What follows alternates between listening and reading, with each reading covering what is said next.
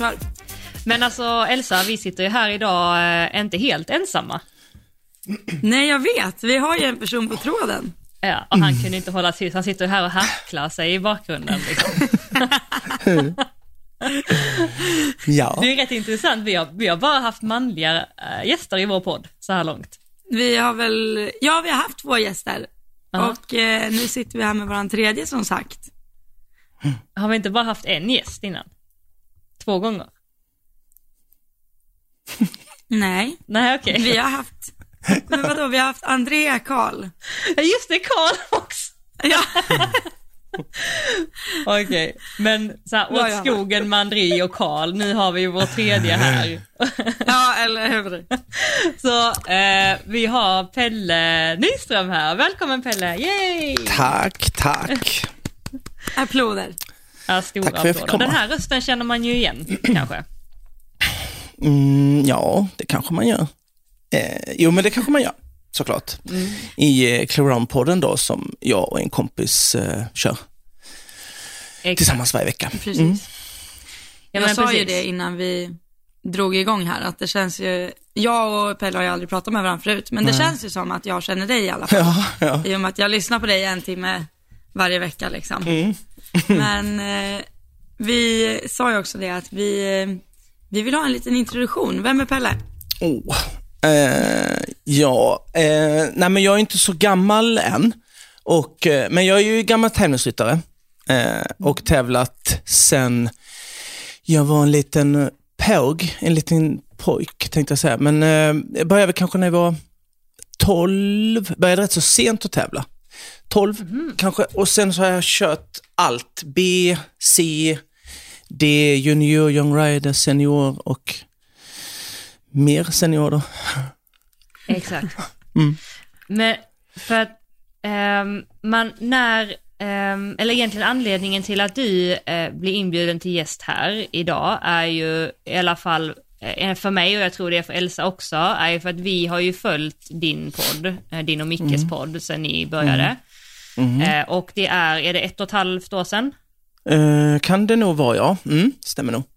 Ja, något sånt. Ni börjar innan oss eh, i alla fall och Ja. ehm, jag har ju alltid vetat typ vem du är.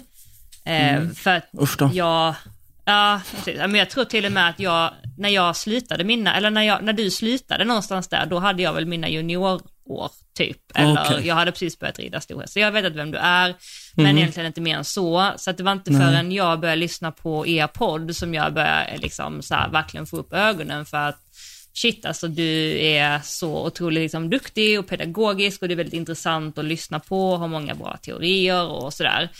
Och sen efter det så har ju du och jag pratat ganska mycket på telefon, alltså vi har ju snackat både om det ena och, och det andra och bara liksom nördat ner om olika saker och diskuterat högt och, och lågt och sådär. Oh, ja. Eh, och då eh, tänkte jag fasen vi måste ju ha med dig i eh, podden. Mm. Och som du säger, du har ju liksom, du har ju ridit och tävlat sedan du var ung, eh, ung påg och högt upp på senioren. Men liksom allvarligt talat så, vad har du liksom gjort? För jag har ju inte så jättebra koll på vad du faktiskt har gjort, mer än att jag vet att du har ridit de absolut Mm. största klasserna, du har gjort, har du gjort nationshoppningar också?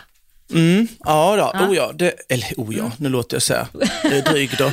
Oh, ja, gud, vilken ja. av dem ska jag berätta om nu? Herre Jesus, det är så många, så många. Nej men, eh, nej, men det är ju en del eh, såklart. Eh, både på, som, alltså jag började på ponny. Jag hade ju rätt så snälla föräldrar. Eller en mamma som gillade med hästhoppning, så jag fick rätt så fina ponnys. När jag gjorde mig själv för dem. Och det var det. Eh, och sen så sen fortsatte det egentligen, junior, young rider, så jag har egentligen ridit mästerskap eh, på all, i alla disciplin, eller i alla discipliner menar jag inte, ålders, eh, ja, Alla ponny, kategorier liksom. kat, så heter det, kategori, eh, ponny, junior, young rider och eh, senior då. Mm. Shit. Och så, ja men så, ja. Eh, nu ska jag förminska det här nu då, bara för det ska du absolut inte göra. nej, Nej. men det är ju så länge sedan. Eh, säg, kan folk säga kanske. Nej men, eh, nej, men jag har hoppat massa nationshoppningar. Det hette ju inte... Eh, sup, nej, det hette det Super League. Vi hette Samsung Nations Cup hette det på min tid. Det var Jaha. liksom... då var det, fick man en Samsung-telefon. Tyckte man var helt Jaha. fantastiskt liksom. Så jag bara, way! Ingen, eh, Ja, och nu får man ingen Longines-klocka. ja. Nej men nu får man säga, Longines, eh, du vet, eh, klocka, guldklocka för så här hundra, flera hundratusen och vi fick så här, vi gick bara Samsung bara, blipp. Men det var fint då. Flip-flow, flip- flip-flow. Ja men det var så. Flip up phone. Ja, ja men det var det. Eh, men, men det var ju jättestort då. Eh, sen har jag ju, SM har jag ju tre stycken eh, guld, På- några silver, något brons. Eh, ja, jag har ett Young Rider, ett, har jag två Young Rider? Nej det har jag inte. Nej, jag har ett guld Young Rider, ett senior och sen en massa silver som senior och brons och Åh, en jättedålig femteplats och sen, ja lite sånt. Och sen eh, så har jag ju vi guld i Europamästerskapen som Young Rider. Eh, hade vi ett jäkla gäng, bra gäng. Malin och Maria Bäckström och Louise Johansson. Eh, vi var faktiskt eh, inte så tokiga då. Alla red på seniornivå i Skandinavien och sånt. Och så var vi liksom Young Riders småttingar. Liksom. Så det var coolt. Eh, sen så hoppade världscuper har jag väl hoppat åtta eller nio tror jag. Red Oj, världscupfinalen. så många. Ja. Men alltså va? Ja, det Nej, Ja. jag menar det därför vi måste prata mer om det här. jag säger det. Ja, Ja, och, och, sen, och, det, och det var ju så stört och det här ska inte bli långrandigt, men man, var ju inte, man fattade ju inte hur stort det var. Det var ju typ Maria Gretzer som var, eh, alltså på den nivån som fick hoppa eh, världscuperna. Liksom. Och sen så ramlar man in där eh, som, eh, jag vet inte, jag vann ju så här kraftcup som young rider Eh, och då, vet, då fick jag hoppa Skandinavien som senior och då hoppade man världscupen och så fick jag pris i den tror jag och sen så fick jag, åkte jag till Helsingfors och, och så fick jag fler stycken sådana här inbjudningar då och jag fattade ju inte hur man gjorde.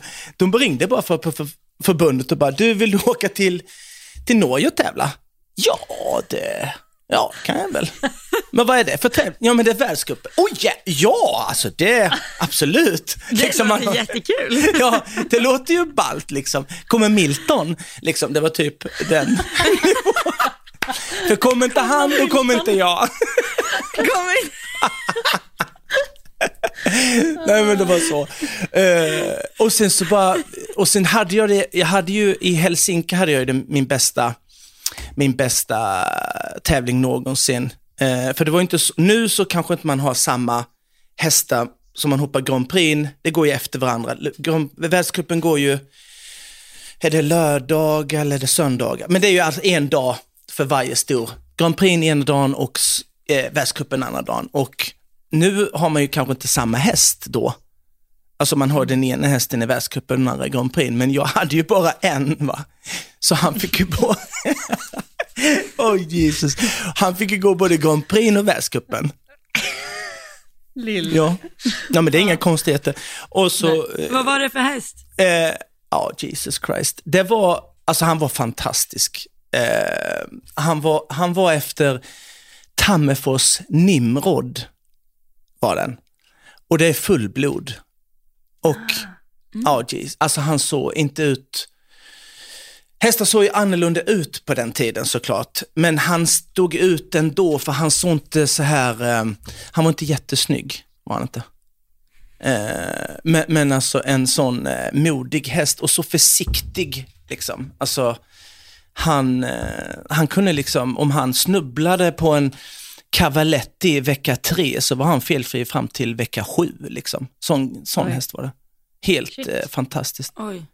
Jag tror jag hade så här när han var ung häst innan man tänkte så här, när jag började förstå, undrar om det är en bra häst jag sitter på. Och så här, då hade jag så här 21, 21 nollor på raken som femåring i 1,20. Och då, det ju, låter ju liksom, kanske inte så mycket, men på raken tänkte jag, fan det är rätt så mycket ändå. Så här, han rev bara inte. Liksom. Eh, helt fantastisk häst. Eh, som eh, jag fick eh, för tidigt egentligen. Men det gick rätt så bra ändå, men jag hade nog kunnat gjort det ännu bättre om jag fått han lite senare i livet. Det är jag helt övertygad om. Så många gånger vi Så. har pratat om det också Elsa. Alltså så här att man Ja. önskar de hästar man hade förut, att man, tänk om man Mm. fick dem nu, hur många snäpp man faktiskt hade kunnat lyfta sig. Eller vad Ja. mycket saker man kunde gjort bättre. Ja, Ja, gud ja. Jag vet, Ja, herregud. Pelle, jag tror, eh, lyssnar du på podden? Har du lyssnat på några avsnitt eller? Nu kommer den stora frågan. Har du? Från, eh, från eh, eran podd? Ja, Ja, ja, ja, ja. Jo, ja. Ja. Jag lyssnade på ert sista nu för inte så länge sedan. Till exempel. Eh, det där, eh, ja men det lyssnade jag på. Ja, men vi, har, vi pratade eh, en gång om just det här och då vet jag att jag sa att det fanns en tränare till mig som jag hade på ridgymnasiet som sa till mig så här att du kommer att förstöra ett gäng hästar genom Ja. din karriär innan du blir bra liksom. Och jag vet hur typ illa jag tog det, alltså jag fattar ju inte det, jag var ju ung liksom. Jag bara så här, fast jag vill inte, jag kommer inte förstöra mina hästar, vad snackar de om? Nej. Men hur sjukt mycket jag fattar hur rätt hon hade nu. Mm. Liksom. Ehm, kopplat till det du eh, sa. Ehm, Och Så- det finns så- väl egentligen ingen ryttare som inte förstör, ett, några, förstör inom citationstecken nu, liksom ett gäng hästar på vägen. Och, och det, det, vad man menar med förstö- det, det hörde jag ju som ett mantra, liksom, att eh, de första svårklasshästarna, de förstör du, liksom. Eh, så här, du får. Eh, så här. Nu, hade jag, nu var jag rätt så ung när jag fick han. Jag var så här, eh, herregud, jag kanske var, jag, tog, jag köpte, vi köpte han när han var fyra. Och det är också helt sjukt. Det, alltså vi hittade en annons. Jag tävlade Scandinavium på någon annan häst. Eh, och så åkte vi, då var jag ju junis, och sen så åkte vi, tittade vi, min mamma ridsport och bara, vad är det här liksom? Och, åh, en fyraåring, och då var det så här nytt med Falsterbo. Det var alldeles nytt då.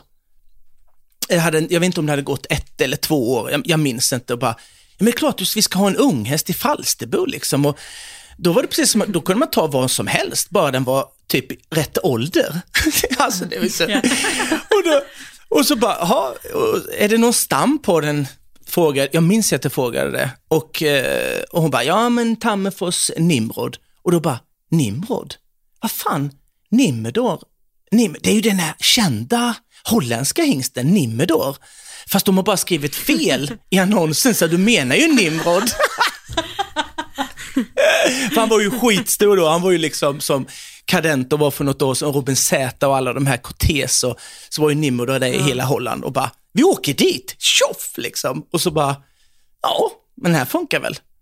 Och så, alltså det var ju så lyckoträff med den jävla hästen.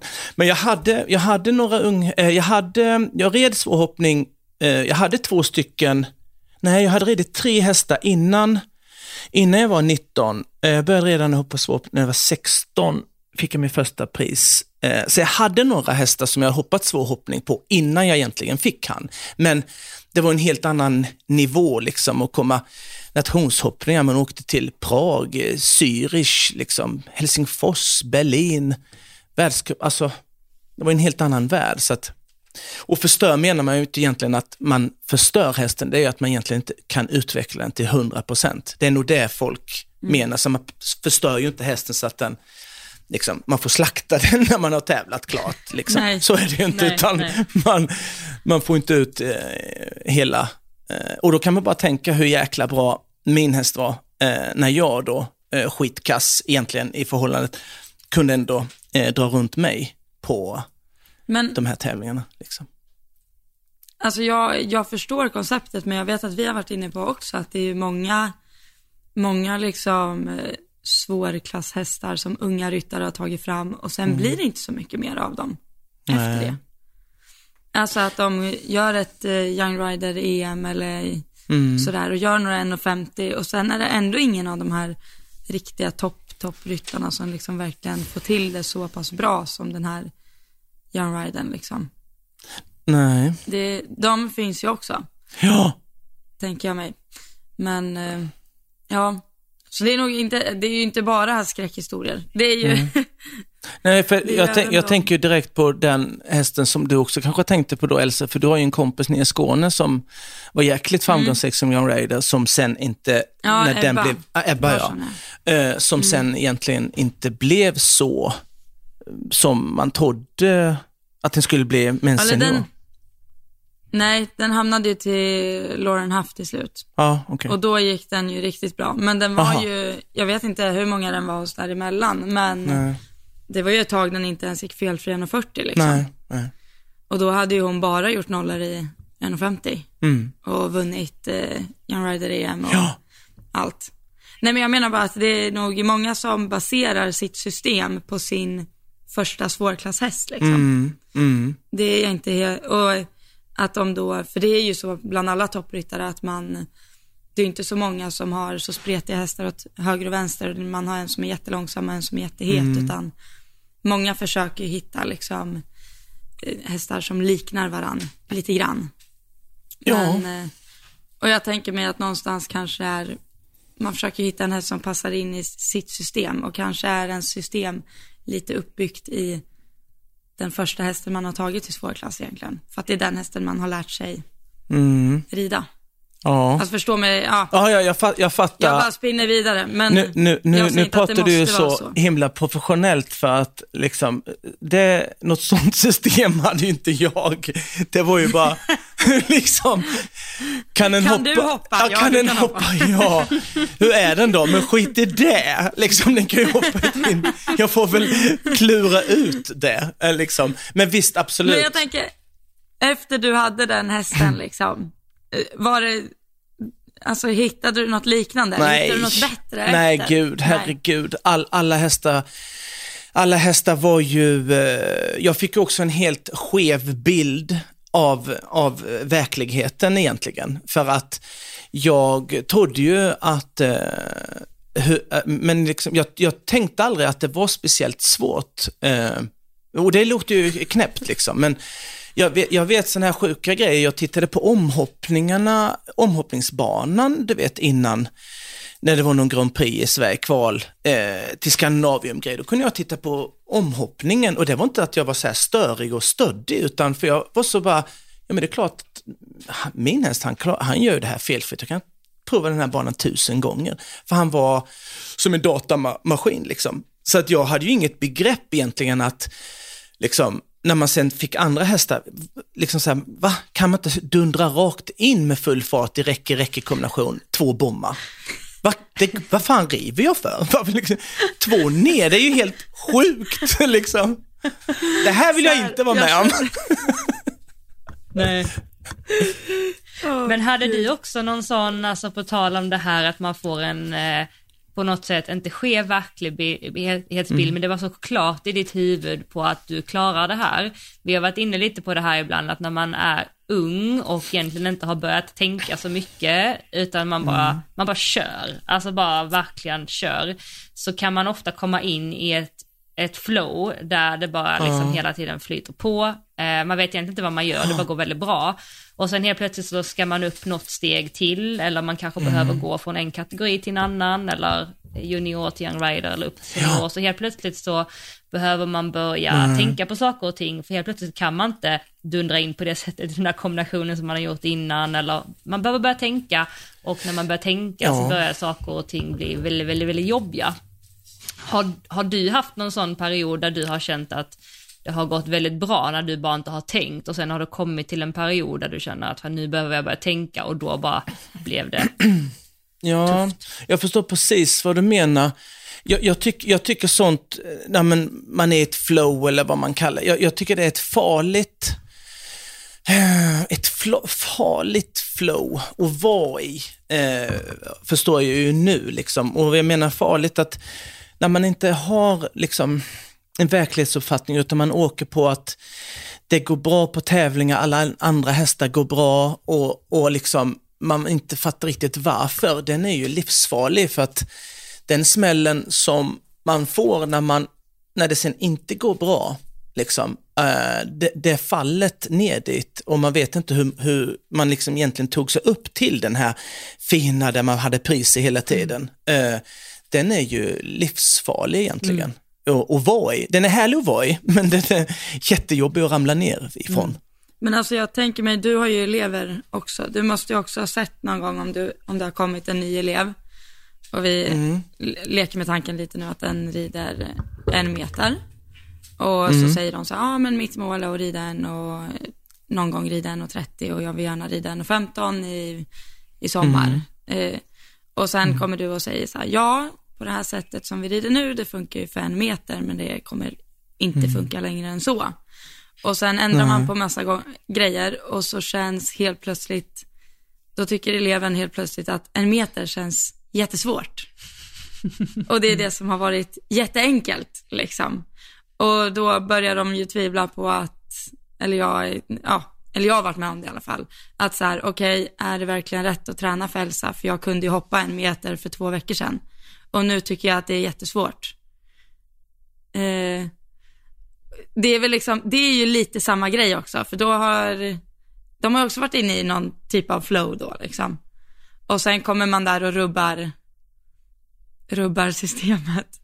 Hur, hur löser du en sån situation? Men du vet, försök inte hoppa högre för då kommer det gå åt helsike. Det är ju inte, och det, det är ju jätteelakt kan man säga. Nej men då brukar de svara så här, fast det sitter inte i höjden. Nej, höjden har ingen jag betydelse. Vet, jag vet! Just det. Jag vet! Och den, den där frasen hatar jag. Eh... Vet du vad jag gör då? Nej. Då höjer jag upp till 1,50 ofta och så ber jag dem hoppa, men det är ingen som vill hoppa. Nej, exakt. Okej, okay, de, de, får den hårda vägen där ja. ja.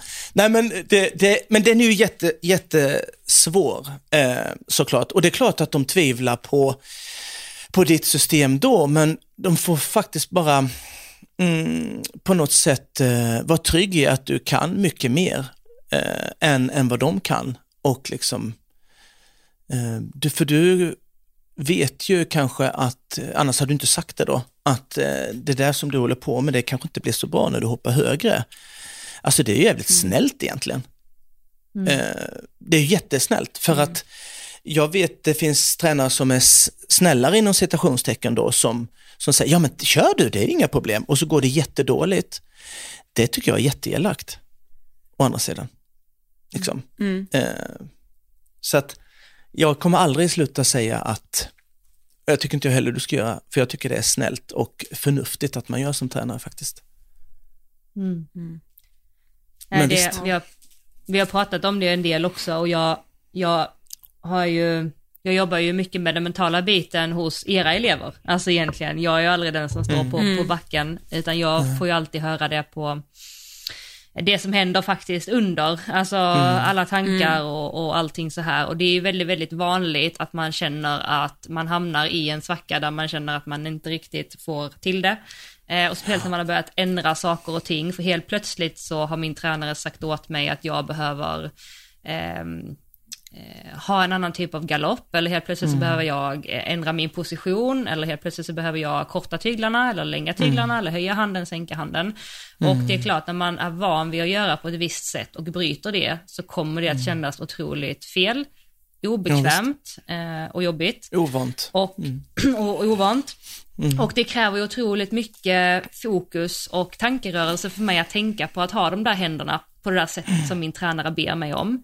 Mm. Vilket då också gör att helt plötsligt så kanske jag tappar någonting som jag har haft väldigt eh, lätt för innan, eh, mm. den här rytmen. Eller jag helt plötsligt börjar se distanserna jättekonstigt, jag missar distanser som jag aldrig gjort innan. Mm. Eh, och då börjar man eh, kanske tänka liksom lite som ni är inne på att fasen det här Pelle eller Elsa lär mig nu, det, det blir bara sämre. Min häst ja. hoppar sämre helt plötsligt eller jag får mm. inte till distanserna och sen så kanske man lägger av för att det känns väldigt fel och obekvämt och det är ganska jobbigt den perioden. Och då mm. får vi jobba väldigt mycket med, och jag tror det är en väldigt bra påminnelse, att man behöver gå igenom de här perioderna där det känns fel, det känns jobbigt, det känns obekvämt och att man måste vara okej med att tumma på vissa grejer, att vissa saker mm. Ja. på vägen, men de kommer ju att komma tillbaka igen om man bara vågar vara ihärdig mm. i det hela. Och där tänker jag, det måste ju vara ju sjukt utmanande för er när, när ni möter de typerna ju. Att också vara ja. den här motiva motivationen, alltså man har ju också ett, ans ett ansvar, men man behöver också vara motivationen för sin elev som tränare ju. Ja. Eh, mm. På ett sätt. Mm. A absolut, fast det tror jag, både jag och Elsa som jag, äh, är det. Men har man inte den motivationen själv på något sätt så spelar det ingen roll hur motiverade vi är mot dem, alltså, mm. mot dem egentligen. För att den, den, de måste lita på en process och, och jag vet inte hur många elever man har tappat som bara, nej det ju fan inte träna för han. Alltså, det mm. har man gjort massor. Mm. Men när de rider ut stormen, om man säger så, att lita på den processen, då har man ju den eleven for life å andra sidan sen då. Mm. Men, men det är ju, mm. eh, jag kan säga att det är fler som hoppar av än som är kvar. Mm. Det är, så är det här också. Ja, ja. så är det över, överallt, skulle jag vilja säga. Det, ja. herregud, det, motivationen finns inte där liksom. Eh, viljan att utvecklas, eller jo men de har en viljan att utvecklas men bara på en viss, bara det inte blir för jobbigt och liksom blir besvärligt och sådär. Mm. Det... det, är himla, det är himla synd. Eh, och jag, jag vet ju precis vad ni menar och jag, och jag vet att det är så också. Och det är, det är himla sorgligt för att det, man kommer ju ingenstans i livet på det. Alltså vad man Nej. än tar sig för och man, om man bara känner när det tar emot, när det inte funkar och man ger upp då så kvittar det vad man tar sig för, man kommer aldrig komma i mål eh, ju. Mm. Eh, och jag tror att många definierar sig själva som dåliga, alltså när någonting inte funkar eller man inte får till det, att man tänker, men då är jag en dålig ryttare då. Men det har ju mm. inte med det att göra överhuvudtaget, Nej. för att man inte får till Nej. någonting, för att alla är eh, dåliga i början. Och jag ja. brukar tänka också typ så här om man har en förebild eller man tänker, om man tänker på Henkan exempelvis, så mm. jävla grym, allt han har gjort, alla framgångar mm. han har, vi, ingen kan säga han är en dålig ryttare utan alla bara hyllar honom, han är en fantastisk ryttare. Men mm. gör han ett misstag eh, så är ju inte han en dålig ryttare för det. Han kan ta ett dåligt beslut, mm. men det gör ju inte honom till en dålig ryttare. Och samma är det ju för oss när man, när man misslyckas, när man inte får till det, det handlar inte om att man är dålig, utan att man inte har lärt sig ännu. Men vad Exakt. tror ni är nyckeln där då liksom? Eller vad, hur löser man det här? Går det att lösa tror ni? Mm, ekvationen att aldrig gå från korta språng till längre, eller vad menar du? Nej men alltså, nej men liksom att det är många som droppar av, otroligt många, när det blir tufft liksom. Kommer det alltid vara så eller tror ni att det finns någon lösning på det någonstans? Nej men jag tror det är, alltså jag upplever lite, alltså nu, de eleverna jag har, eller många av mina elever som jag har, har ju kommit till mig med major problem, mm. om man säger så. Alltså att en häst står och, på bakbenen mm. i ett hörn eller den stannar på hinder och det känns som att så här, hade hade varningsklockorna, hade man liksom förstått varningssignalerna lite tidigare, mm. då hade det inte blivit lika jobbigt när man mm. kommer. Fattar du mm. hur jag menar? Exakt. Att börja min häst slå med svansen i svängen, eller stryka bak öronen eller när jag lägger an skänken. Och eh, börjar den eh, hoppa med sänkt rygg, mm. men den gjorde inte det med förra ägaren. Mm. Då är det så här, börjar jag tänka lite i de banorna i rätt tid innan det är lite Förstå mig rätt mm. när jag mm. säger för sent. Mm. Fast det är ju inte för sent, Nej. det går ju att rädda. Då blir det ju väldigt mycket roligare att komma in i ett system när, när första biten inte är liksom blod, svett och tårar. Nej. Så tänker jag lite grann. Eller så har det varit för mig i alla fall. Ja. Mm. När jag har... Of, oftast när man får eh, elever som, som har sådana problem, som du berättade om det Elsa, eh, så, och så får de hjälp. De, de är inte så svåra, och så märker de, oh det går ju faktiskt bättre. Liksom. Eh, de är inte så svåra att egentligen motivera, för de har man redan så att säga vunnit över, eller vad man ska säga. Om ni förstår vad jag menar. Mm. Mm. det, är svår, det är lite svårare för de som faktiskt det går jättebra in och tio jättebra till exempel mm. och vill hoppa in och 30. Och man tänker, ja, nej, det här blir jättesvårt. De, de är ju, ja, de är väldigt få som, som bara eh, vill applicera ett helt annat system. Du får nog tänka lite annorlunda nu. De är ju de absolut mest svårpåverkade. Eh, ja, och det är de jag inte riktigt har, skulle jag säga. Nej, okej. Okay. De Nej. eleverna har inte, så jag tror mina elever är enklare där. Ja. Än, mm. än vad dina mm. är, kanske. Alltså mm. nu. Mm. Men eh, om man tänker lite spritt. Men jag, jag förstår precis vad du menar. Ja. Men där är det ju liksom, när jag står på mitten då och men jag är ju väldigt rak. Det kanske är dåligt. Jag hoppas verkligen inte att jag har trampat någon på tårna på ett sånt sätt att man har känt sig dålig någon gång. Men jag brukar i så fall vara ganska rak och så här, ja men har du kollat på världscupen någon gång? Ja, det har jag. Mm. Okej, okay. samlar någon i svängen och mm. släpper fram bogen på hindret i större språng.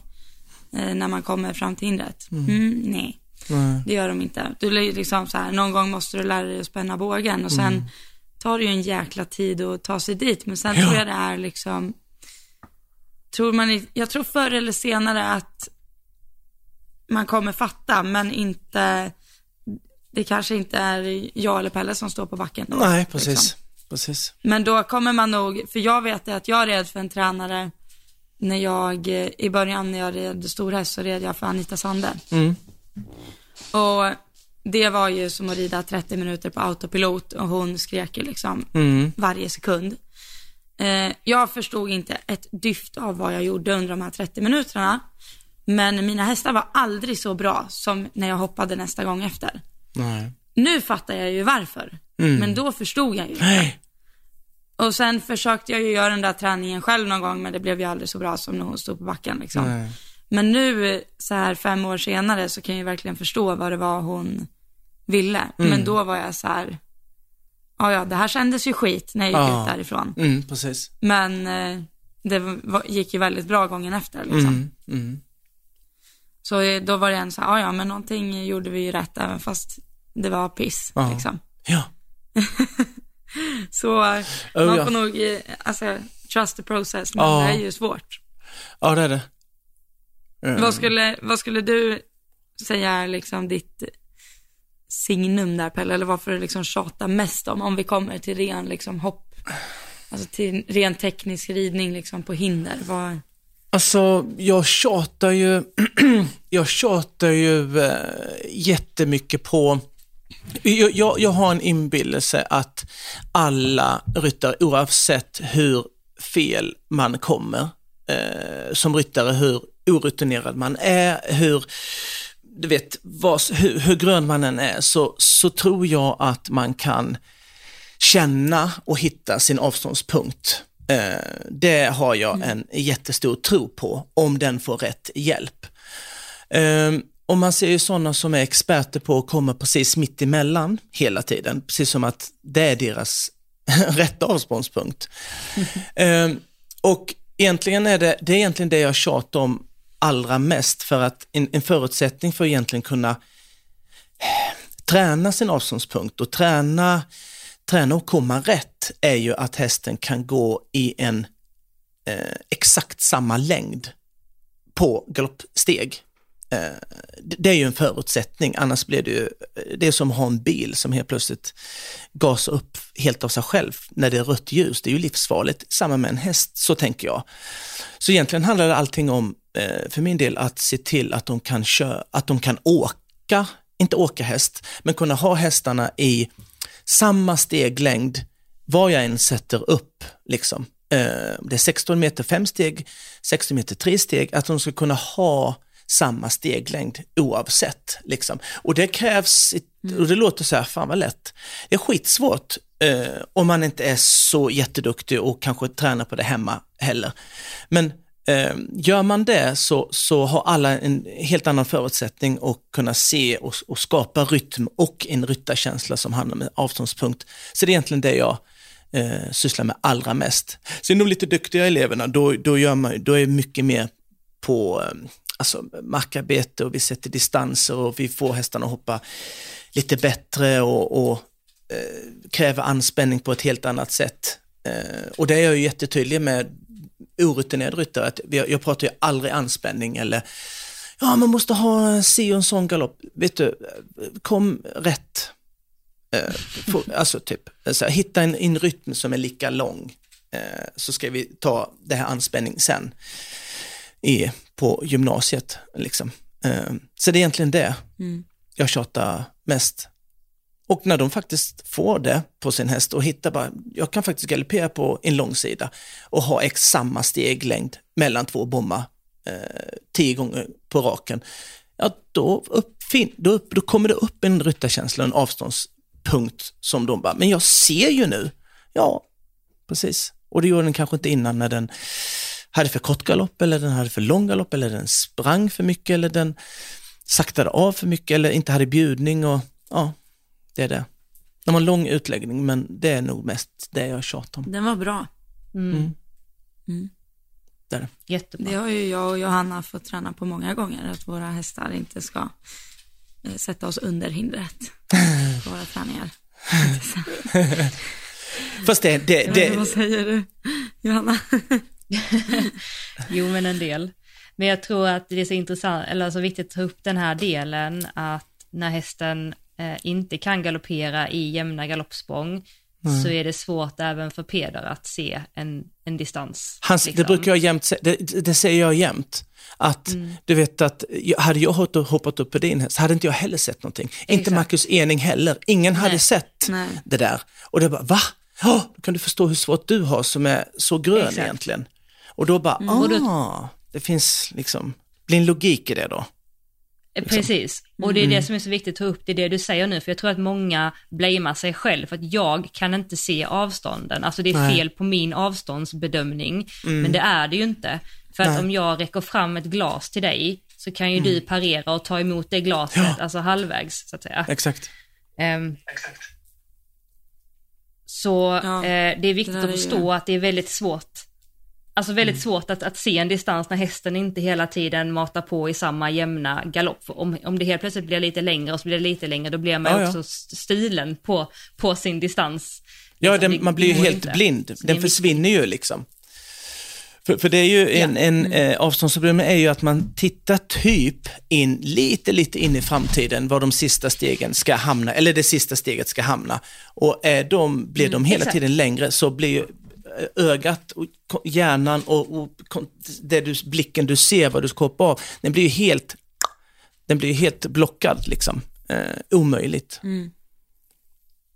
Så att, Och det här är ju då problemet om hästarna går lite på hinder, alltså att de, ja, de tas till hindret snabbare än vad man tänker sig, då blir ju sprången Ja. längre desto närmare man Och- kommer. Och sen finns det ju det som är tvärtom också. mm, När hästarna, när du ser din distans och så går det långsammare och långsammare och långsammare. ja.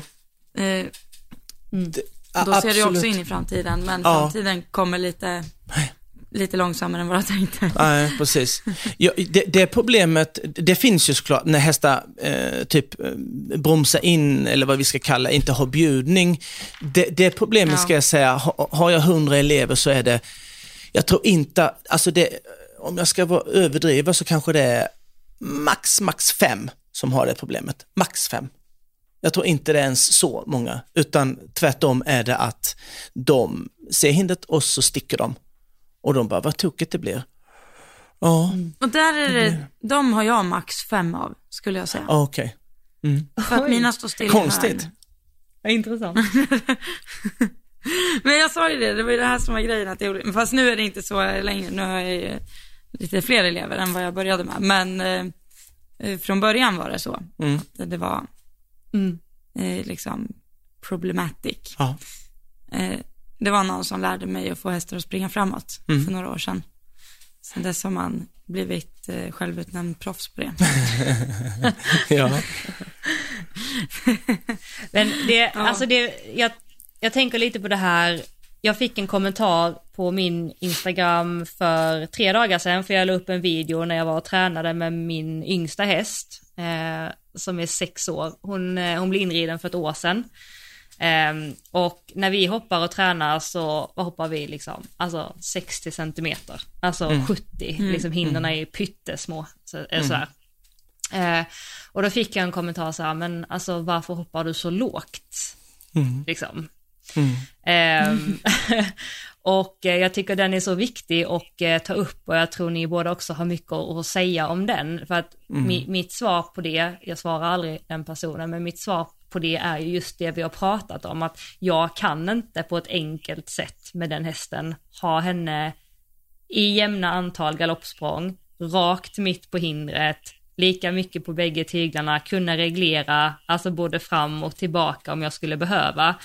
Eh, och det är en häst som är otroligt försiktig, hon vill absolut inte riva, så kommer jag liksom i, i botten. Mm. Eh, hon är kvick som tusan och hon är modig också, men hon har ju också sin gräns, hon är mer försiktig än modig, om jag nu skulle få säga och definiera mm. liksom. Och jag får ett nedslag om jag har en 1,10, 1,20 också, alltså då kommer jag ju ha problem, liksom, eh, mm. om, om det sker. Så anledningen är ju att jag måste kunna göra de här sakerna, ha henne i balans och allting innan.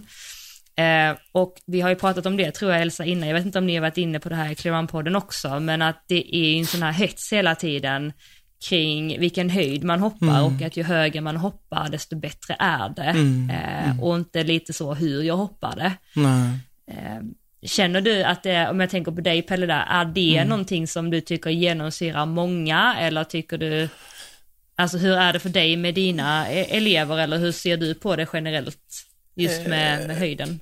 Eh, jo, men, men, så är det ju. Eh, så, så, är det ju. Eh, nu har jag varit på ett och samma ställen i så många år, så att de som egentligen anordnar träningar, de vet liksom, det är det första de säger när det är någon, ja ni får aldrig hoppa högt i alla fall. Liksom, så du behöver inte komma hit för att hoppa högt. Liksom. Det vet folk och det säger jag med alla som kommer. liksom. Och det blir rätt så talande också eh, för mig när man slänger upp eh, två bommar och jag säger vi ska ha den här steglängden och sen har vi en bom till och man inte klarar det. Liksom, då är det det för mig eh, helt eh, jättemärkligt att det skulle vara då högre eller att man ska hoppa mycket högre. Sen så tänker jag så här att det finns ju en anledning varför man, varför man som barn man börjar liksom krypa, gå och springa. Liksom. Eh, och då tänker jag att eh, man lär ju in en häst och ryttare på låg höjd och nöter in det och automatiserar det. Eh, och sen höjer man. Man börjar ju inte liksom andra hållet. Liksom. Mm. Det är egentligen bara för att man ska kunna göra det fler gånger, tänker jag. Varför jag har en låg höjd för att blir det tokigt så händer det inte så mycket, för en, många hästar kan faktiskt kliva över ett 60-70 eh, centimeters hinder och ändå klara det, men det blir värre kanske när det är inne 20. Mm. Så att vi tränar aldrig svåra grejer eh, på eh, någon större höjd. Om vi skulle vara, liksom, träna lite svårare, alltid lågt. Liksom. Mm. Mm. Det finns ju en logik i det, men det är inte så många som kanske förstår den. För att det är häftigt att hoppa ett alltså, hinder högt. Ja. Jag tänkte säga det Johanna, nu när du debuterade 1.30, hur, hur många 1.30 språng har du hoppat hos din tränare innan du gjorde det? Det är väl inte, ingenting tänkte jag säga. Nej, Nej, inte ett exakt. enda. Nej. Jag sa det till Linnea och sen bara, men gud jag har ju inte ens hoppat ett hinder för 1.30. Ja men någon gång, du vet så. Men, mm. Mm. För Nej men det är väldigt sällan. Mm. Ja, ja men det är det. Det, det, det, är det ju eh, och, och, och egentligen likadant när man hoppar eh, bana och sånt, eh, bana och höga höjd, egentligen är det det är inte för att hästen egentligen eh, behöver det. Din häst behövde det inte, eh, Johanna till exempel. Det är ju, det är en ryttare, det är en ryttargrej i så fall att man vill hoppa över, men hästen behöver ju absolut inte det. Din häst behövde mm. ju inte det. Liksom, så det var bara så att Nej. den var eh, grundtränad och när den sen hoppade in och 30, ja men det här är ju inga problem. Och så bara flög ni över. Så det är ju mm. grundgrejen som man bygger upp, inte att du har hoppat 100 in och 30 språng som gjorde att det gick, du gick felfritt in och 30, det har ju inte med Nej. det att göra alls.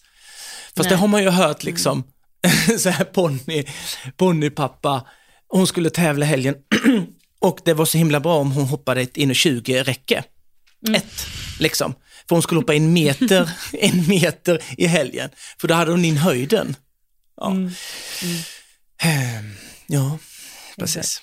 Ja. Det, det... Hur mycket, mycket 1,60 banor hoppade du där innan ja, exakt. det, var, det var många. Mm. Men det tycker ja. jag är, när vi pratade, kopplat till det vi pratar om nu, men det vi pratade om innan, det här när man är inne i ett flow och man vet egentligen inte vad det är man har gjort som har gjort att det går bra.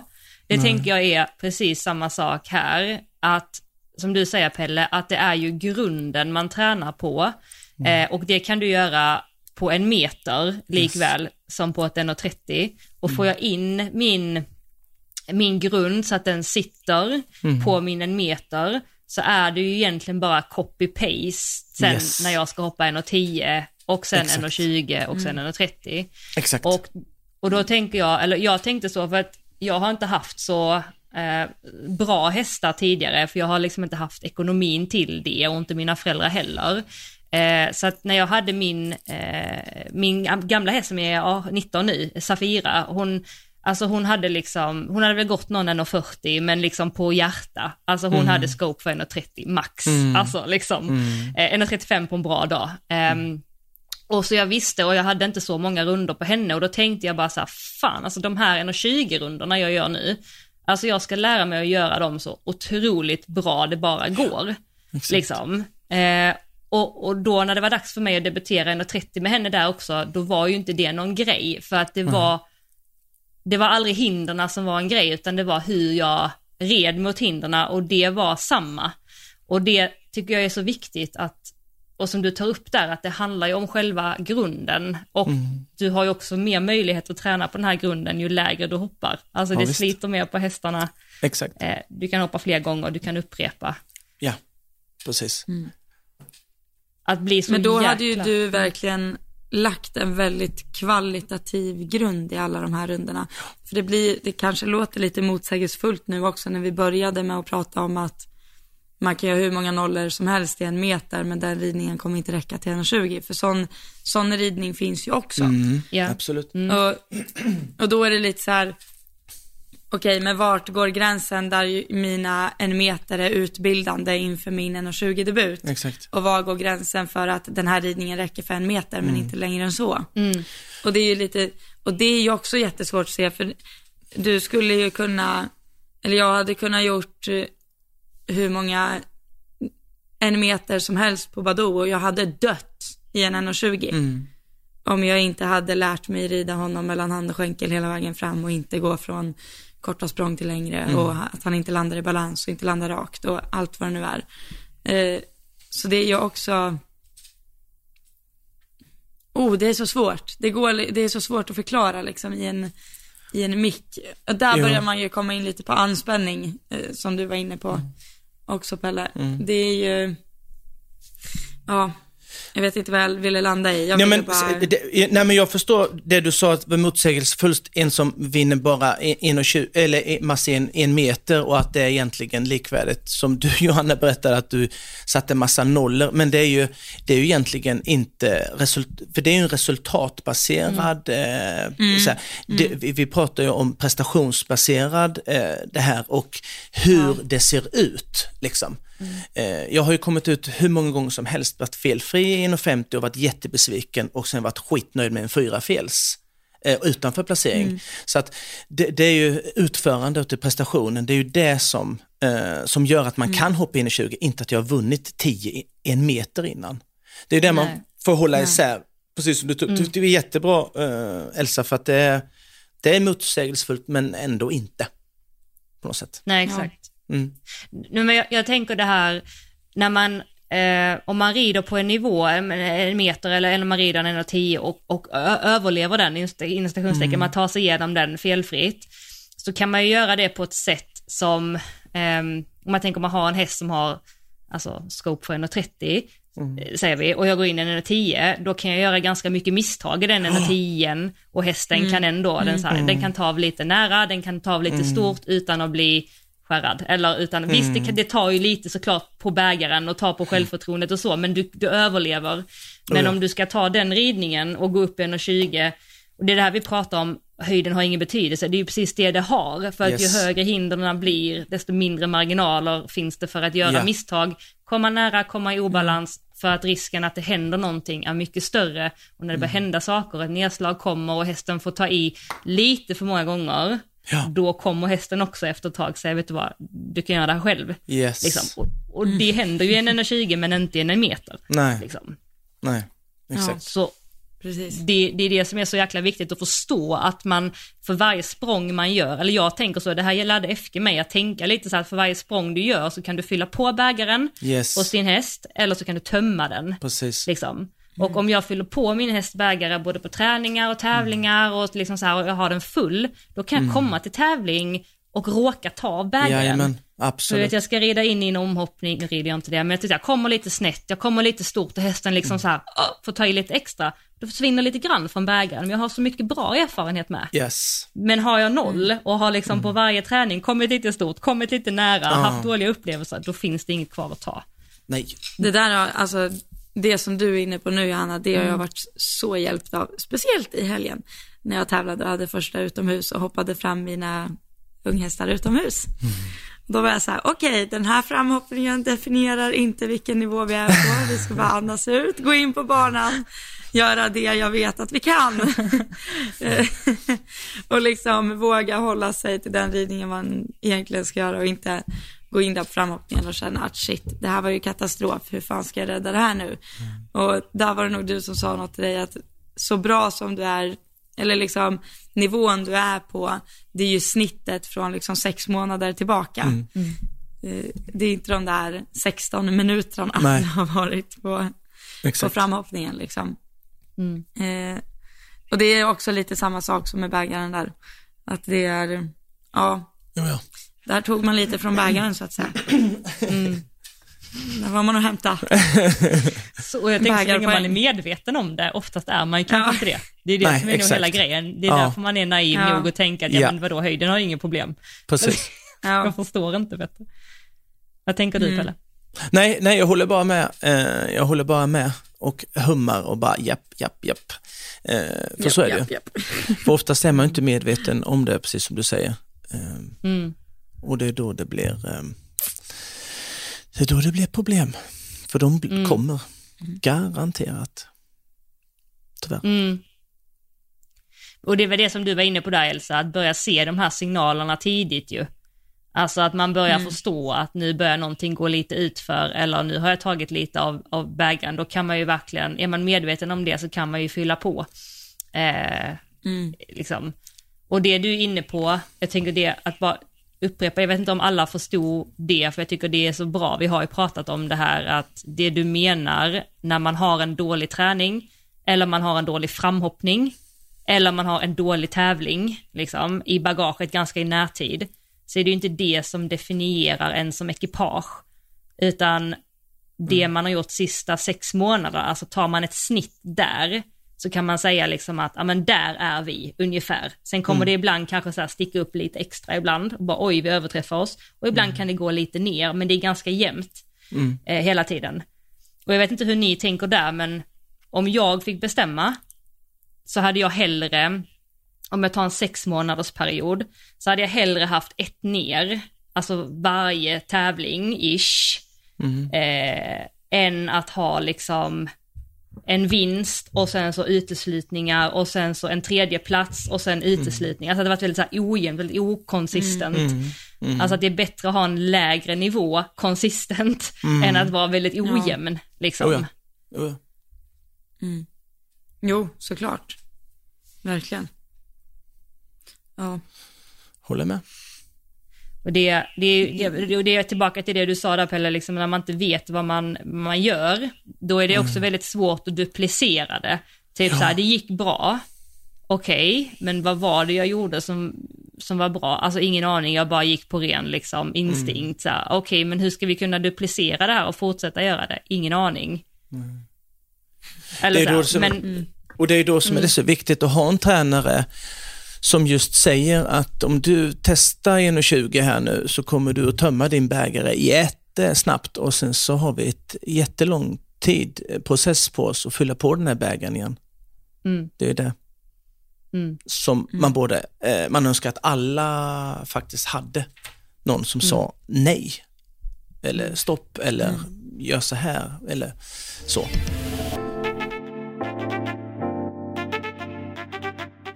Men eh, jag tänkte vi eh, ska prata lite om, för jag vet att jag och Pelle pratar lite om det här på telefon. eh, för någon vecka sedan och jag tyckte det var så intressant så jag tänkte gud nu, vi, nu måste vi sluta prata om det här så vi kan, kan inte du komma på vår podd så kan vi prata om det här. Så sa jag liksom ja. till Elsa, vi måste bjuda in Pelle. Mm. Um, för jag tänker att det är ett ämne som inte pratas så jättemycket om uh, och då pratar jag lite om prestationsångest mm. och hantera, alltså vilket sätt man hanterar motgångar, hur man tar dem. Mm. Uh, för jag tänker att vi alla är ju med om det hela tiden, men jag tror att det är ganska få som står där liksom och putsar i sadelkammaren och, och liksom pratar om att Fastän alltså jag eh, känner mig jätterädd inför imorgon. Eh, eller jag mm. känner mig jätterädd inför den här hoppningen eller fan vad mm. jag är mm. besviken eh, på mig själv för det här igår ja. och det här gjorde jag liksom mot mig själv för att jag, alltså liksom jag tror att det är så djupa grejer man kan inte prata om och jag tror det är viktigt att, att snacka om det. Mm. mm. Eh, och jag vet att du Pelle har väldigt mycket erfarenhet eh, av det ju mm. eh, sen tidig ålder. Du har ju ridit som sagt på hög nivå eh, sen tidig mm. ålder. Eh, och jag vet att du kom till en gräns där du kände att fasen nu får vi nog göra någonting åt det här och då tog du ja. hjälp väl mentalt? Ja, oh ja. Mm. Men hur, eh, om vi börjar från början lite grann så, för det fanns ju en anledning till varför du fick den här insikten att shit så här kan vi inte hålla på. Liksom. Um, mm eller jag behöver ta hjälp på, på något sätt. Vad var det som fick dig att känna så? Uh, nej men, uh, men det var ju att jag var så himla besviken på mig själv resultatmässigt då. Och um, att där jag innan tävling kunde liksom har någon sorts eh, mål att, eh, okej, okay, när är jag, eh, om jag åker hem och är nöjd, vad, vad, vad är det för något? Ja, det är fyra fel i Grand Prix, det är fyra, 0-0 och sen så fyra fel i Grand Prix. Det är jag typ nöjd med, men jag ska ha tre nollor. och när det inte blev så, mm. så blev ju jag superbesviken på mig själv och liksom var jävligt dum mot mig själv. Mm. Eh, liksom att eh, jag var helt värdelös och jag gjorde massa dumma saker mot mig själv, liksom, har jag ju förstått nu då. Mm. Att liksom, det var grejer som jag skulle minsann inte liksom hänga med ut när de andra gick ut på kvällen och käkade middag, då skulle inte jag med för då ska jag, hem, då ska jag vara hemma och ha tråkigt och titta på filmen och se hur jävla kass jag är under dagen. Och eh, så här, skippa middag på kvällen, du ska lägga dig hungrig för du är så jävla kass. Mm. Liksom, eh, ja, med massa sådana helt knäppa grejer som jag liksom straffade mig själv då var det ju. Mm. Vad, hemskt. Ja, och, alltså det, oh, det är så hjärtskärande att mm. höra och jag, jag vet att du, ehm, du är inte ensam om det heller. Så. Nej. Ehm, men var, var det här någonting som, eh, det är klart så här, vänner märkte, du kom inte där på, på kvällen, men var, du liksom, var det någonting du visade mycket utåt eller var det någonting du mest bar på själv? Nej, nej jag tror inte, jag tror inte, nej, jag, tror, jag tror många kanske såg att jag hade så här hett temperament och var skitförbannad när det inte gick eh, resultatmässigt som jag hade tänkt då. Mm.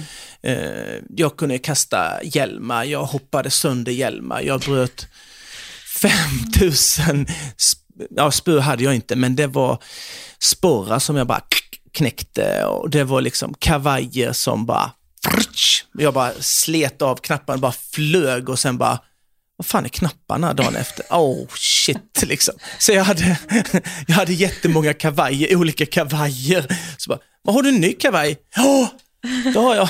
Vad hände med den, den igår? Jag vet inte, jag skulle testa denna idag. Alltså, sådana här grejer.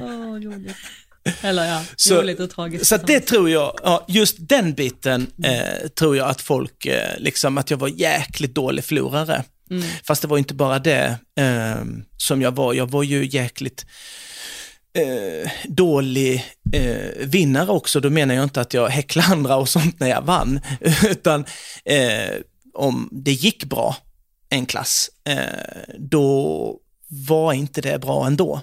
Liksom. Mm. jag var aldrig eh, nöjd, liksom. Och, eh, och på det sättet som jag inte var nöjd, det var bara liksom förstörande för mig själv, liksom, för att det var så att jag ursäktade mig nästan. Åh, grattis Pelle, du vann. Ja, fast mm. bara med en sekund. Eller, ja, men på tvåan där, eller där, eller utanför där. Och, ja, mm. det, så här. Jag gav mig hela tiden anledningar till att när jag var duktig så var jag inte speciellt duktig egentligen. Mm. Liksom. Det, mm. Så det kvittar ja. egentligen vad du gjorde, så var det ändå Ja. Bra. Nej, nej det var det inte. Och det var nästan så att jag, jag eh, det är ju jätteknäppt att jag tyckte om den känslan. Eller det, liksom, det var en bekväm, jag mådde ju dåligt eh, såklart, så här, men det var en behaglig, liksom att vara i det, mm, i, det, i den känslan att, uh, vet du jävla kass du är eller? Mm. Ja, men jag, man har ju två stycken som sitter på axlarna och den ene kanske någon gång kanske nämnde någon gång så här, fast det var inte så tokigt va. Alla var ju faktiskt här, du slog ju Peter Eriksson med sin häst. Ja, fast, ja, ja fast inte nästa gång. Liksom. Så, här. så den var alltid den onda eh, vann alltid. Mm. Eh, så att jag kunde liksom, okej, okay, okej, okay, jag är kass, jag är kass. Mm. Bra. Och så var jag trygg i den, i den känslan, jättekonstigt. Mm. Liksom. Eh, Men det är väl, alltså, det är väl så ett självskadebeteende fungerar, mm. tänkte jag säga. Ja, mm. det, är, ja. Nästan så att jag skämde, och det, här, det är nästan så att jag skämdes för att gå in och ta, om man vann, liksom. Mm. Att, och gå in, eh, ja men du vet, bara för att jag var så nöjd med den ändå, så bara, ska jag gå in där, vad ska jag få pris för? Det var mm. inte så jävla bra ändå.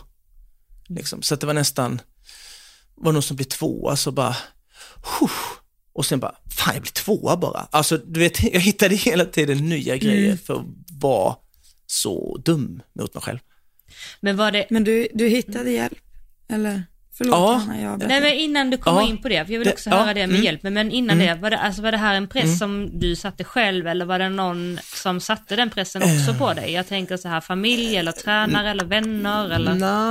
Nej, men jag tror att jag kommer från, eh, jag, kom, jag, har, jag har egentligen aldrig fått press av mina föräldrar eh, så, men, men det har varit en, en eh, att jag skulle hävda mig, liksom eh, i allting. Eh, så att jag skulle vara bäst mm. och, och, och så här. Eh, jag kan inte säga att det var kommer föräldrar för de har aldrig liksom sagt någonting sådär.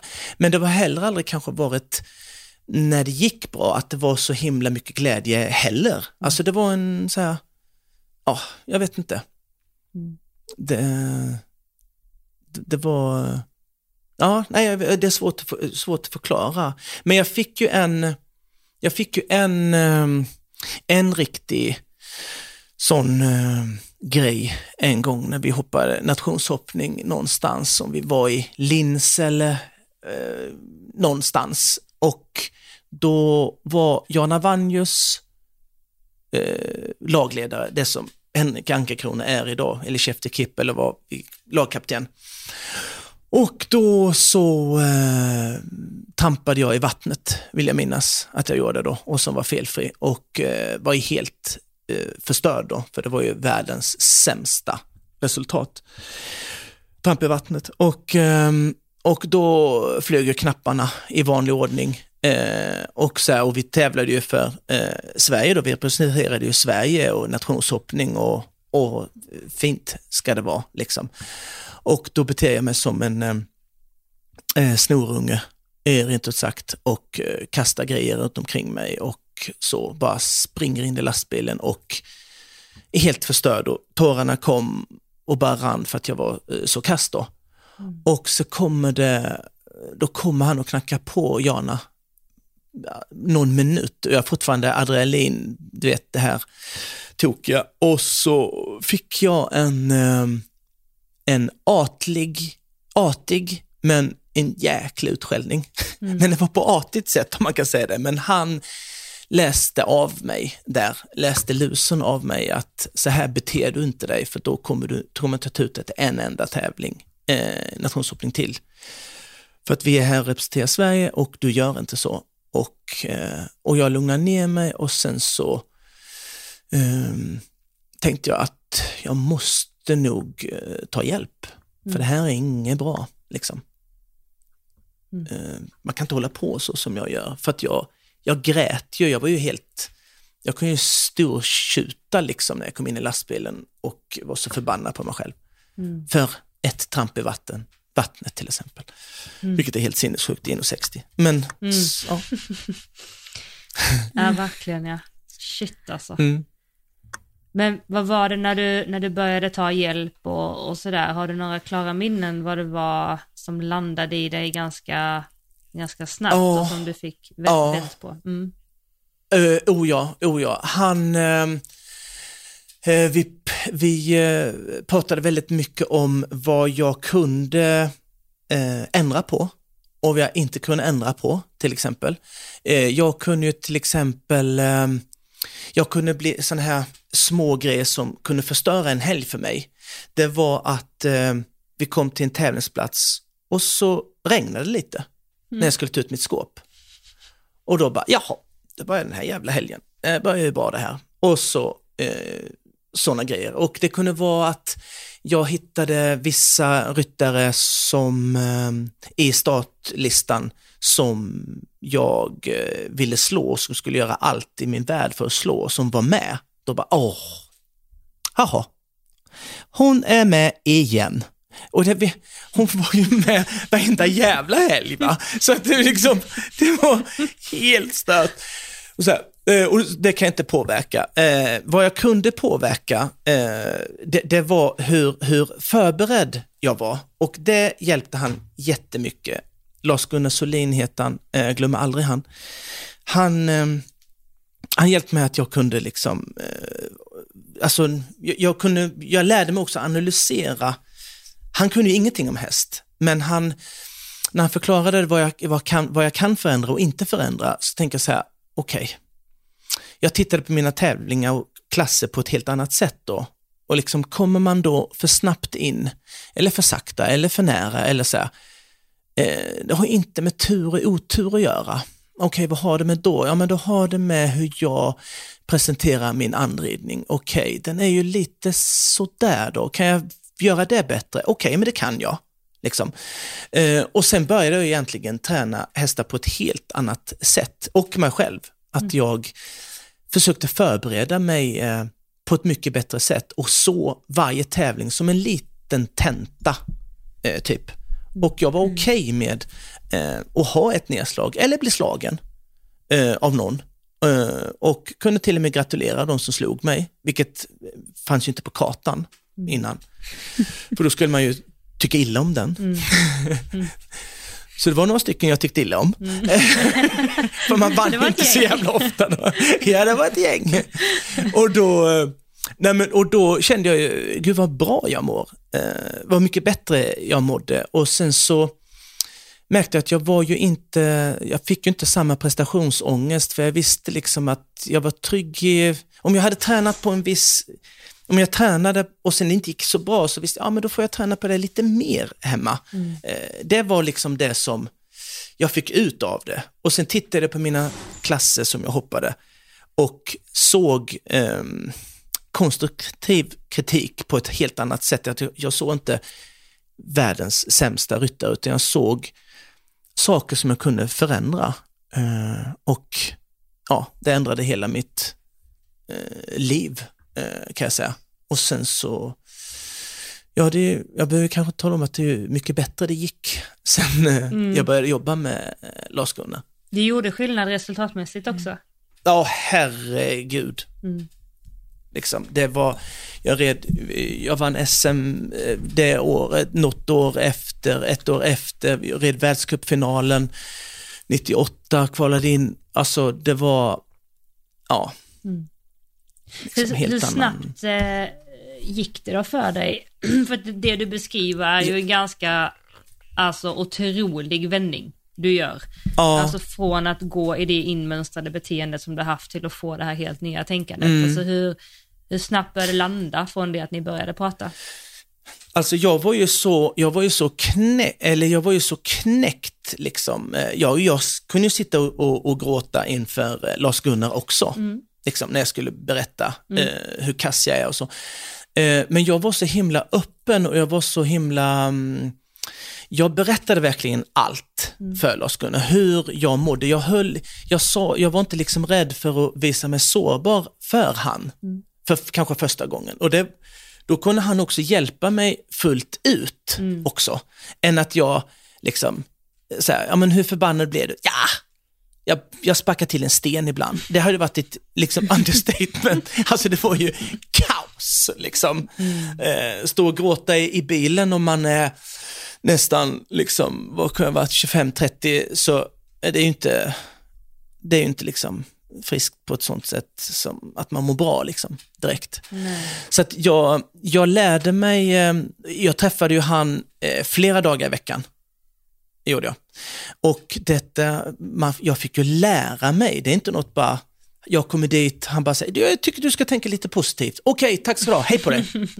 liksom, så många tror att det är mental träning och så testar de, eller så här, mental coachning och, och så testar man fyra gånger och så bara, nej du det var faktiskt ingenting för mig det här för att eh, det funkar ju fan inte. Jag har gått fyra Precis gånger nu när va. man- liksom, Precis som när man ska träna. ja Jag har tränat exakt, funkar ingenting. Jag får- har fortfarande inte 40 liksom. Det är helt sjukt. Ja. Så jävla värdelöst med mental coachning. eh, så att jag, det, mm, nej men jag fick ju lära mig att tänka rätt. Liksom. Och det är inte något man gör i en handvändning när man eh, är så van att tänka 5000 negativa tankar eh, och så bara, du, nej men du vet, du ska inte tänka på dem bara. nej, just det, okej. Så, här. så jag satt hemma och tränade, liksom.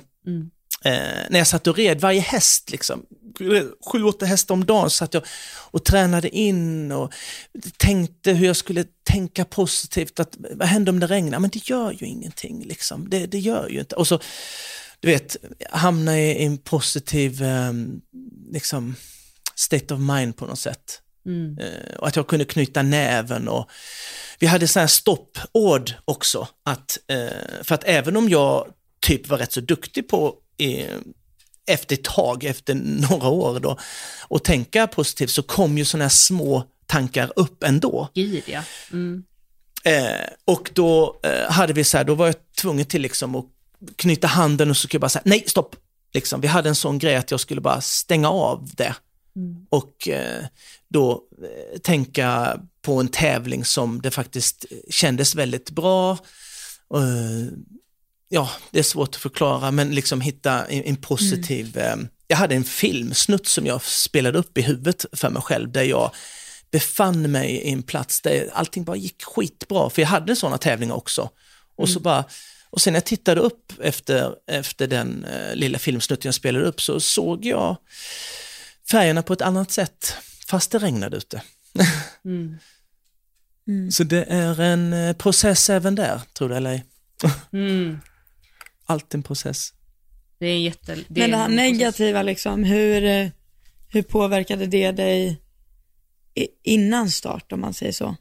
För det var mycket liksom resultatbaserat, men jag tänkte när du kom till tävling, vad var liksom Ja. skillnaden då? Före och efter Eh, du började jobba? Ja, att alltså, du kom mer förberedd, men ja, eh, nej men jag, jag, jag, när jag var innan Lars-Gunnar så kunde jag eh, sitta på framhoppningarna och höra folk som går felfritt.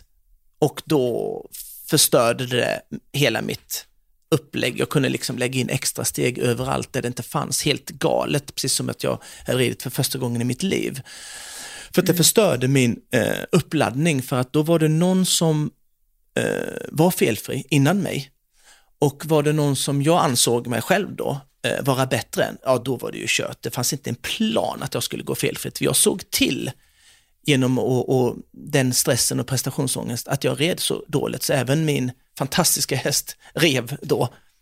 Eh, efter Lars-Gunnar så eh, hade ju, alltså jag hade inga alls sådana tankar liksom att det var mer liksom någon som gick felfri innan mig och bara, ja okej, okay, vi möts i en omhoppning. Ehm, om jag sköter mig eller om jag har tränat rätt de senaste månaderna och sen omhoppning så ser vi vem som är bäst helt enkelt. Och vinner du, då ska jag gratulera dig och nästa gång ska jag slå dig. Eh, det var ett sånt tänk eh, mm. jag, jag fick, så det var helt annorlunda. Jag var inte mm. så orolig att någon annan var felfri innan mig. Mm. Eh, och det var jäkligt skönt. Jag gick aldrig och la mig eh, och var hungrig för att jag skulle straffa mig själv sen efter Vaskunna. Det var jävligt skönt. Shit. Hur länge mm. jobbade ni? Alltså... Oh, så. många år. Fem år kanske. Mm. Fem år. Fem mm. års tid. Ja. Och som vi hade, använde han i vårt lag, i Örebro-laget eh, också. Och eh, och sen så alla jag kände, alla ryttare jag kände runt omkring som bara, Lars-Gunnar ska ni prata med, som jag fick dit eh, flera stycken sen efter det som också fortsatte att jobba med han. Mm. Okay. Så, ja.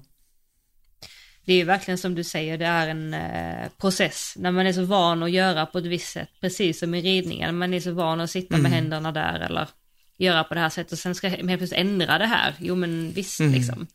Eh, mm. Och bli av med det gamla beteendet, skapa nya, det är verkligen en superprocess. Och jag tror det är viktigt att poängtera det som du säger också, att men, jag har jobbat fyra gånger och så nej men det händer ju ingenting, nej men det här var ingenting för nej. mig. Det är som när man, liksom, när man kryper mm. och så försöker man ställa sig upp fyra gånger och så går ja. det inte bara, nej men det här att stå upp, det är liksom, det är inget för mig. Alltså, det är ju verkligen precis samma sak. Och sen tänker jag också när man kommer in i den fasen som du kom in i sen, att man börjar behärska det, man har sina verktyg, man vet när man ska använda dem och sådär. Mm. Att det eh, gör ju inte att man inte får de negativa tankarna. Nej. Alltså man blir ju inte Nej. immun mot dem, de kanske Nej. kommer lite färre Nej. gånger, men de kommer. Yep. Och det är ju inte mm. ett sign på att man inte är eh, mentalt stark eller att man inte kan hantera det, utan utan att man faktiskt bara vet vad man ska göra när de kommer. Ja, exakt. Och att, att fortsätta repetera, speciellt när det går bra, för det upplever jag många gånger och den här dialogen brukar jag ha med mina klienter hyfsat tidigt. Eh, som en förberedelse lite grann, för det som ofta kan hända när man har jobbat ett tag så börjar man komma in i ett jäkla bra eh, ja men flow där man känner fasen jag har ju mm. koll på det här, alltså nu känner jag mig mm. stark, jag har börjat, mm. lite som du säger, jag kan jag fokusera på det jag kan påverka, det jag inte kan påverka, när nervositeten kommer vet jag vad jag ska göra, jag vet hur jag lägger upp min plan, så man bara såhär shit. Och det är en ganska mm. alltså, cool känsla när man bara såhär wow, jag trodde aldrig jag skulle kunna vara så lugn och fokuserad. Nej. Och det är när det går som bäst då och gör ett tag som man helt plötsligt börjar sacka av med saker och ting. Man ja. börjar liksom tumma på saker och ting. Yes. Och så börjar man helt plötsligt ta bort de sakerna man gjorde från början som faktiskt gjorde att det gick bra. liksom. ja. Och tar man bort dem så kommer det också sluta gå bra och det är ofta det som, ja. som händer. Eh, och då brukar jag säga så, det är inte jag som säger det här, men det är någon annan som har sagt det väldigt klokt så här att jobba mentalt är verkligen som att, som att bada eller duscha.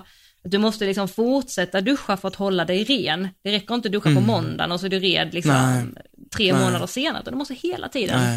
Eh, och det är en pågående process och jag tror många har ibland kanske en tanke om att jag ska bli av med min nervositet helt eller ska bli av med mina rädslor eller jag ska bli av med mm. mina, eh, mina orostankar helt. Men istället bara så att de kommer alltid komma men det handlar om att du kommer bara bli tryggare i att hantera dem.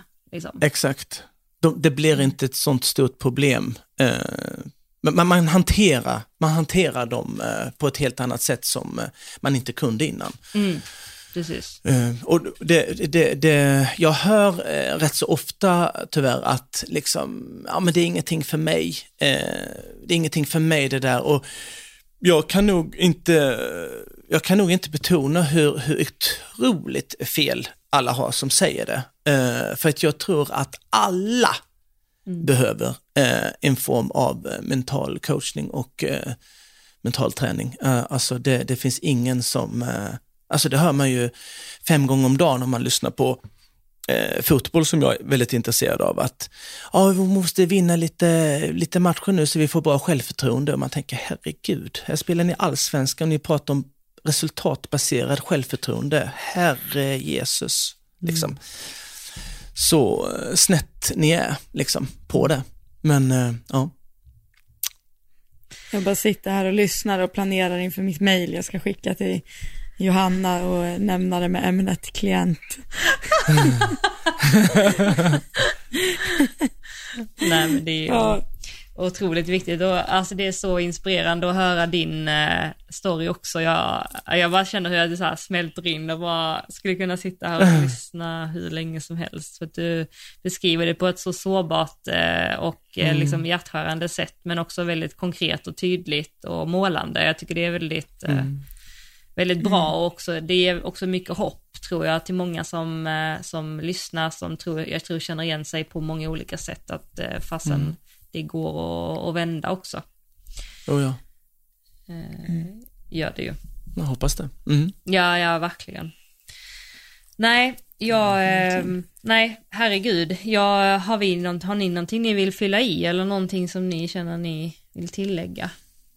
Det här måste man ju göra om, tänker jag. Ja men gud. Alltså... Jag vill fortfarande prata anspänning här. För jag, för jag har nämligen en sån, bara för du pratar om anspänning nu, Elsa, så pratade, eller så såg jag att eh, Henka var i, va, han var ju någonstans nu, Runsten, va? Väl? Och hade träning. Jaha, det har mm. jag mhm. missat. Jaha, har ni missat det? Det har jag missat ja. helt. Ja, men jag vet inte, kan ha varit det när det var runt Skandinavien, för annars åker han ju inte.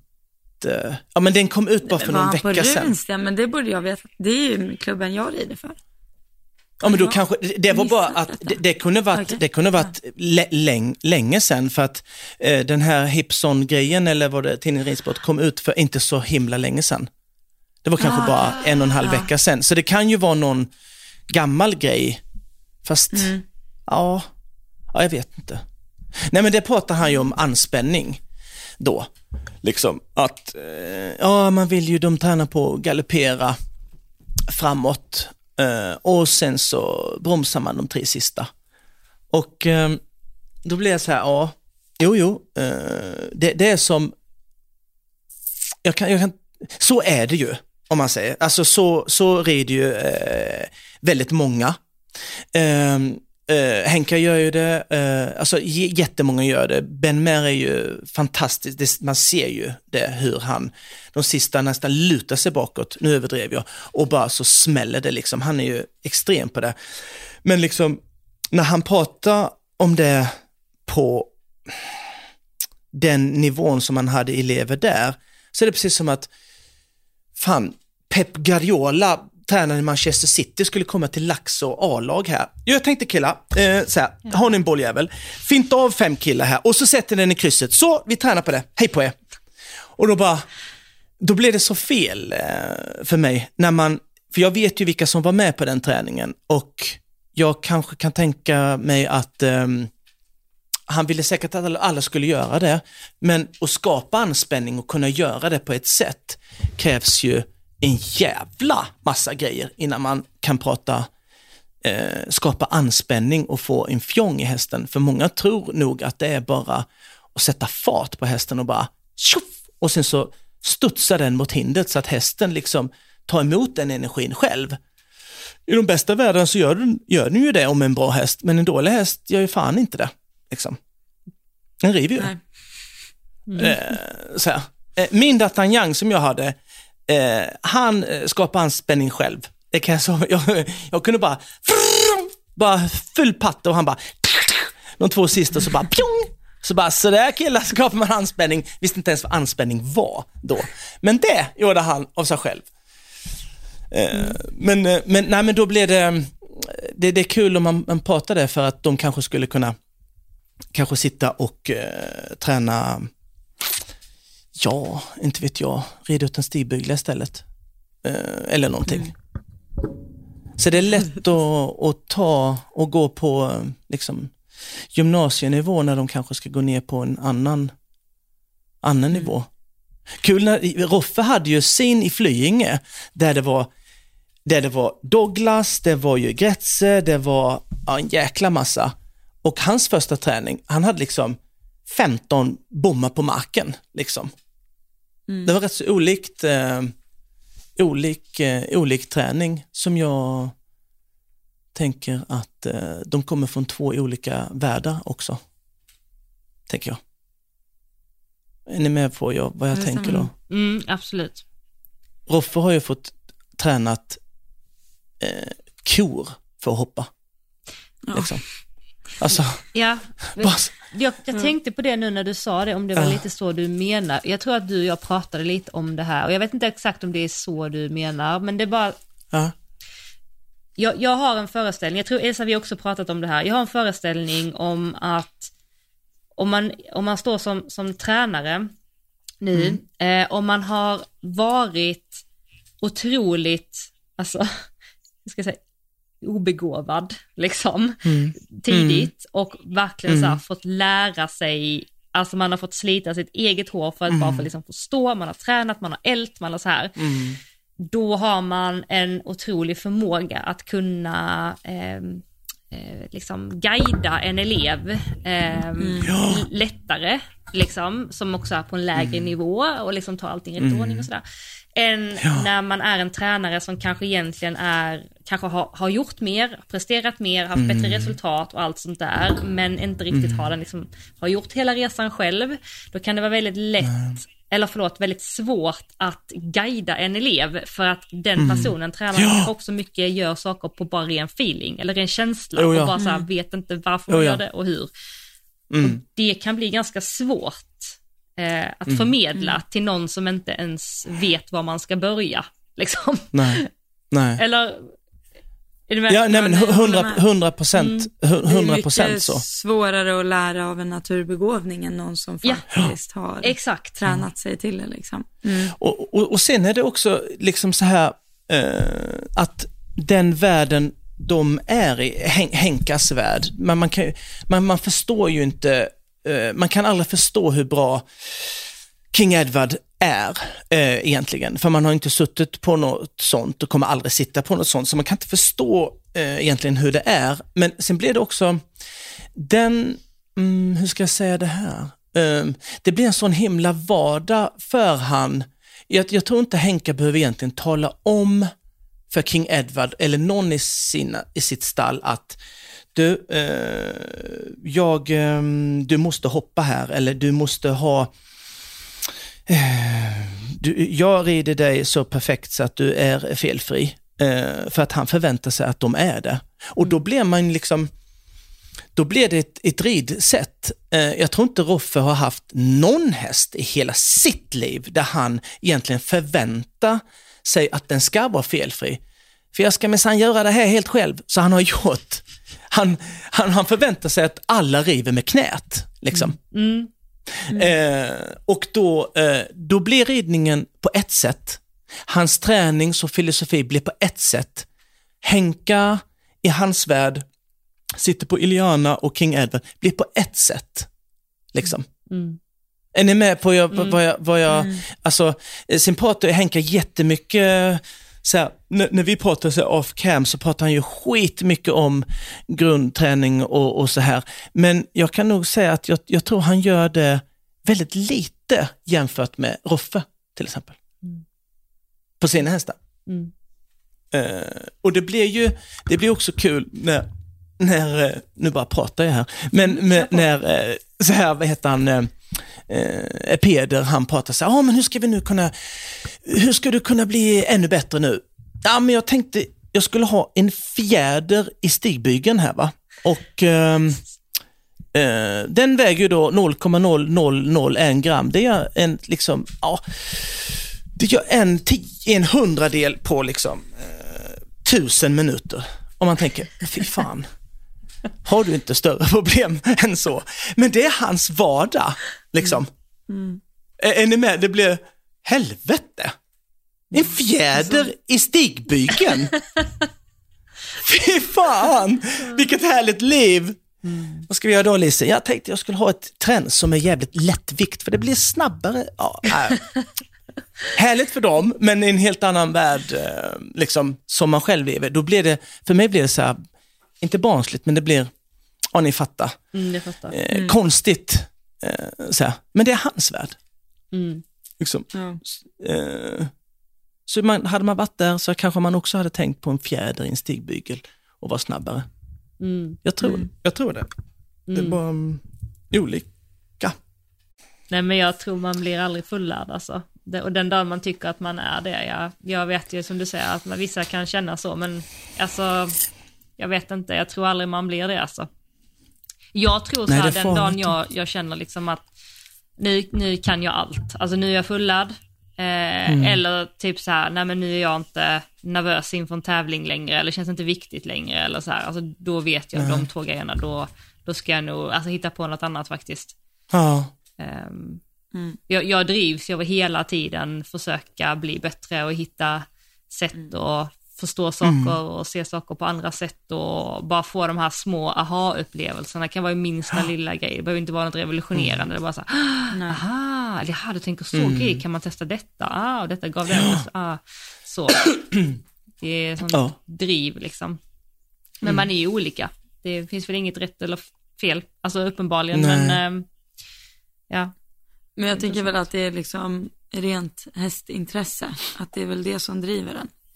Mm. Att ja. lära sig, lite som vi var inne på innan med elever, som du sa så här, att hur motiverar man en sån Ja. elev? Att så här, att finns inte intresset där, att vara nyfiken och lära sig mer, då är det nog jäkligt svårt att bli bra på hästar. Mm. I, i, i bara på någon sport alltså. Ja, Det är jo. omöjligt. Omöjligt. Och, eh, och liksom, jag tycker det är en sån liten grej, alltså liten grej är det ju inte, nu låter jag ju bara för att man själv är så jävla så här, ettrig, men, men liksom eh, om man vill bli bra på någonting, vad fan, ska man testa att göra det halvbra då?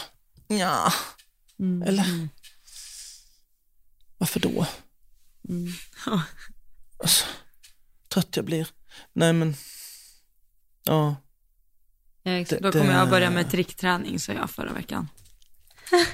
Ja, ja det, det hörde jag på. Jag bara, vad fan? Jag börjar bli så här, det där är ju fan coolt liksom. Det är jävligt coolt. Nej, Och inte, alltså, bara, sagt inte bara coolt.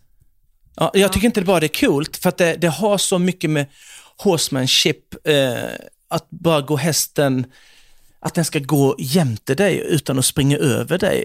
Och liksom, kan du då klickträna? Alltså, ja. Jag tycker det är helt eh, bra, tycker jag. Jag tycker det är skitcoolt. Åh, herregud. Ja, Det nej, ska vi ta någon annan gång. ja, Ja. det ska vi ta ett helt avsnitt av. Men, eh, nej, men jag tänker att vi, eh, vi kanske ska hålla här för idag och eh, öppna gärna upp för ytterligare ett avsnitt. Det hade varit svinkul.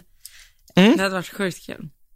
Ja. Och jag tänker så här, har man inte lyssnat på Clear On-podden tidigare, för vi har säkert lyssnare som, vi har säkert många gemensamma lyssnare, alltså 100% det vet jag att vi har, men också många som inte har lyssnat på dig Pelle innan, så kan jag bara säga att man har, vad har ni gjort? 70 avsnitt? 80 avsnitt? Eh, ja, något sånt. Yes. Då har man att lyssna på i alla fall. Det är otroligt eh, intressant och, och lärorikt, så det, vill vi, det vill vi tipsa om, Elsa. Mm. Yes. Det- Det är lite trams också. Lite vi trams. tramsar Ja, men det är bra. Ja, Ja, ja. man får lätta upp det, Det lite. gör vi. Men ni släpper Ja. varje torsdag va? Eh, ons- ja, precis. Stämmer. Exakt. Nej men, eh, nej, men gör det. Eh, och ehm, som, eh, ja, som vanligt så ehm, har vi ju, det vet ju du Pelle om du har lyssnat, vi kör ju den här podden eh, på ren sponsring från våra lyssnare. Vi har inte så coola samarbetspartners som ni har.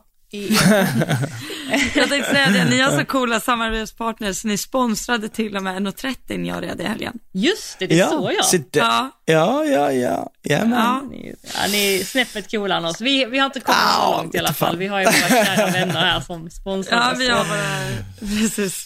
Det är gott nog. Exakt. Och är det så att man vill, eh, man vill, eh, ja man tyckte det var kul och intressant att lyssna idag och fick med sig någonting får man jättegärna swisha en slant och eh, då har vi ett Yes. swishnummer som är 1232 981 231 eh, står här nere i poddbeskrivningen och även på vår poddinsta Elsa och Johanna. Och vi kommer även länka till Clearrun-podden inne på vår sida, så gå in och, och titta där också. Mm. Ja, något annat ni vill tillägga, Just. vänner? Nej, här hade man ju kunnat suttit till halv elva imorgon. Små, ja. ja, till halv elva, ja precis. Eller, ja. Hur kändes det för dig, Nej, men... Eh, Pelle, att vara med? Jo, men det var jättekul. Eh, det var jätteroligt. Ehm, nej, men jag gillar ju sånt här. Ehm, ja, det är skönt att inte behöva ha egna körscheman och eh, frågor och så man får bara brr, säga. Hänga på. ja, ja, skitskönt. Ja, men tack för att du gled här lite med oss. Mm. Ja, tusen, tusen tack. Det var så lite så. Tack själva för att jag fick vara med. Hejdå! Hej! Hej.